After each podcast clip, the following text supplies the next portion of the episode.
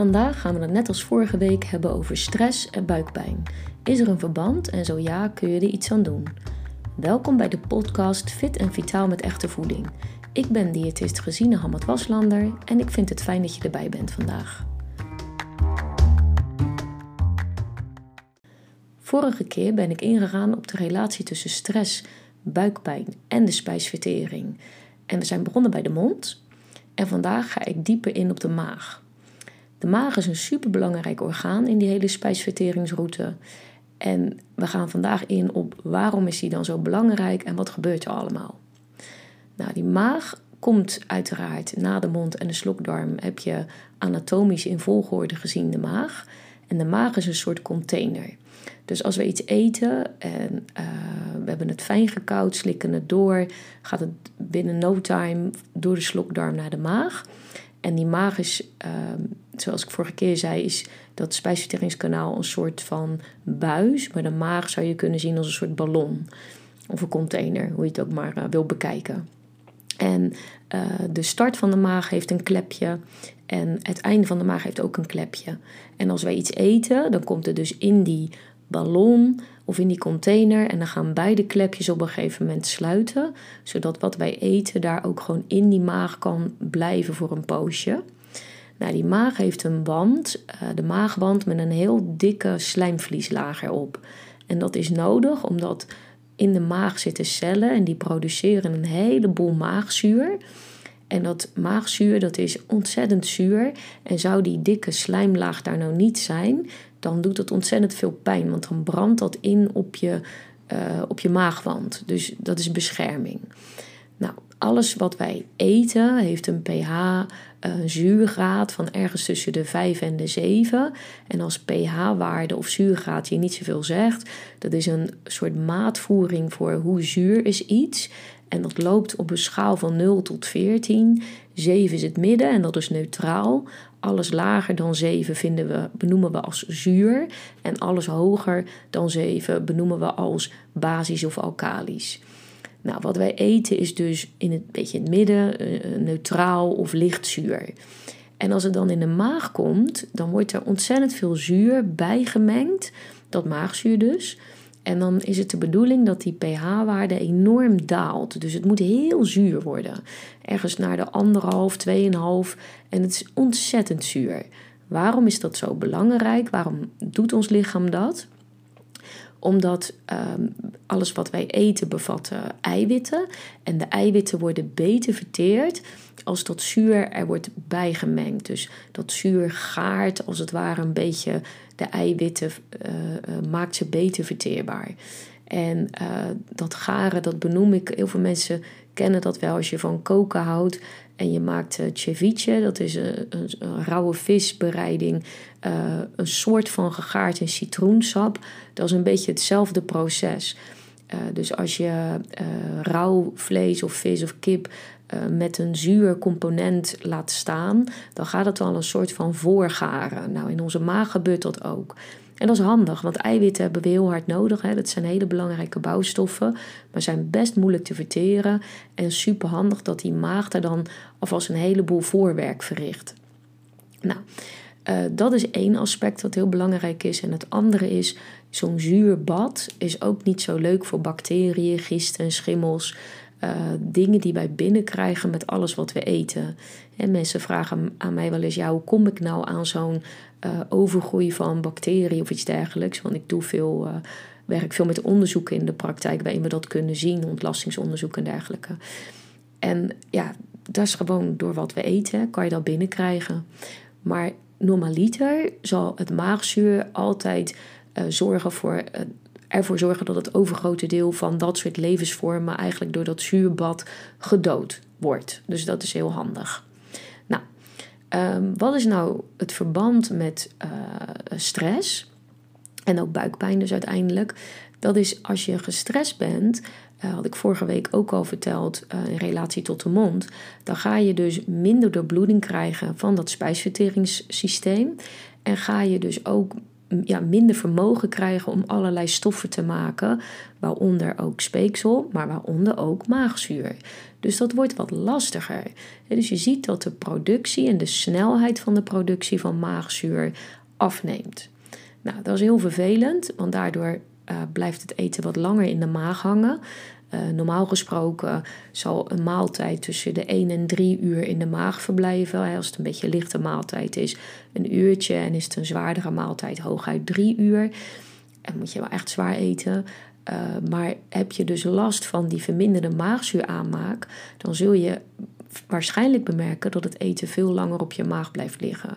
En dus dan voelen mensen dat ook, vinden ze heel onprettig. En dat op zichzelf is al een soort van pijnlijk en ongemakkelijk. Dan zijn we er nog niet helemaal in eh, de totale verklaring, maar dat is wel een stukje daarvan.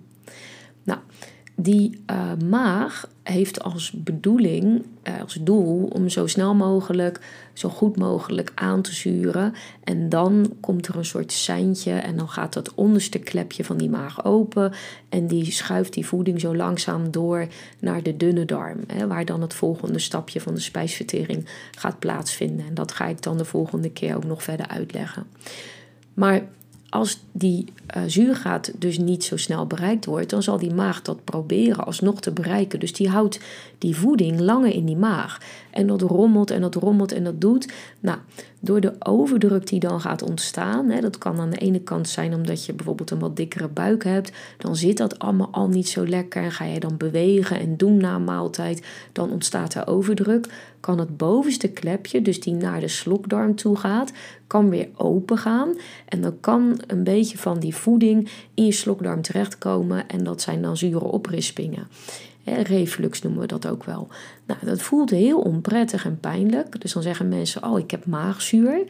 En dat kan ook wel zo zijn dat je maag te veel maagzuur maakt. Maar naar schatting is het zo dat bij 9 van de 10 mensen met dit soort klachten het eigenlijk te langzaam gaat. En daardoor een soort overdruk ontstaat. En dat bovenste klepje dus bezwijkt onder de druk. En mensen dat ervaren als heel onprettig.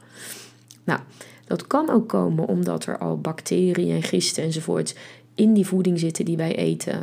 Tenzij we het dood zouden koken en dat moet je ook niet doen. Dus als jij een leuke salade eet, dan zitten er altijd wel bacteriën en dingetjes in. Dat is ook helemaal niet erg. Eh, maar als je dus niet genoeg of niet snel genoeg maagzuur maakt, dan eh, gaan die bacteriën of die gisten of whatever die gaan ook met die voeding aan de haal. En dat gaat eigenlijk een beetje zitten gisten, om het zo maar te zeggen. En ook dat kan zorgen voor uh, boeren en oprispen. En allemaal heel vervelend en onprettig. Nou, ook uh, hier weer is het belangrijk dat je eigenlijk zoveel mogelijk kunt ontspannen. Dus die tips van vorige week zijn daarin natuurlijk weer belangrijk. rustig eten, een rustige omgeving, bewegen even voor de maaltijd in plaats van erna. Maar ik heb deze week nog wat andere tips voor je. En de eerste, en het is een open deur, maar wel een hele belangrijke, goed kouwen. Want als je goed koudt, dan uh, hoeven al die stoffen zoals maagzuur en die enzymen, een soort schaartjes, uh, die, die kunnen veel makkelijker inwerken op die voeding. Als het een hele grote brok is, moet daar veel meer van die hulpstof bij komen dan wanneer het al veel kleinere brokjes voeding zijn. Dus ja, let er alsjeblieft op dat je echt goed koudt. En het lullig is, dat doen we vaak als we druk zijn, juist niet zo goed. Hè? Want ah, we hebben haast en hup, hup, hup, even snel eten. Dus dan ja, hebben we en minder hulpstoffen die we aanmaken, want ons lichaam is niet zo goed in staat daartoe als we heel druk zijn. En we hebben het minder goed voorbereid. Dus dat is eigenlijk dubbel onhandig. Dus nou ja, probeer daarop te letten. Je kan uh, dat maagzuur ook een beetje helpen door wat appelazijn of citroensap uh, vlak voor of tijdens een maaltijd uh, te gebruiken. Is, voor je gebit moet je wel opletten, het is niet zo heel aardig. Dus drink het bijvoorbeeld met een rietje, verdun het met een klein beetje water. Heel veel cliënten hebben baat bij het uitpersen van een halve citroen, oplossen in een klein slokje water en dan nou ja, als een soort shotje naar binnen uh, te gooien. En dat kan helpen om dat verzuren gewoon wat te versnellen. Nou, ik heb ook nog een supplement ontwikkeld, dat heet MSR-complex. Daar zitten allerlei enzymen in en daar zit ook een beetje beta-ine HCl in. En dat is eigenlijk uh, maagzuur in uh, suppletievorm. Uh, zeker als je wat meer klachten hebt, is dat wel heel fijn om tijdelijk in te zetten. En dan vooral ook alle tips te gaan volgen die ik tijdens deze podcast deel. En ook de komende weken ga ik er nog dieper op in ja, je moet iets aan die leefstijl doen.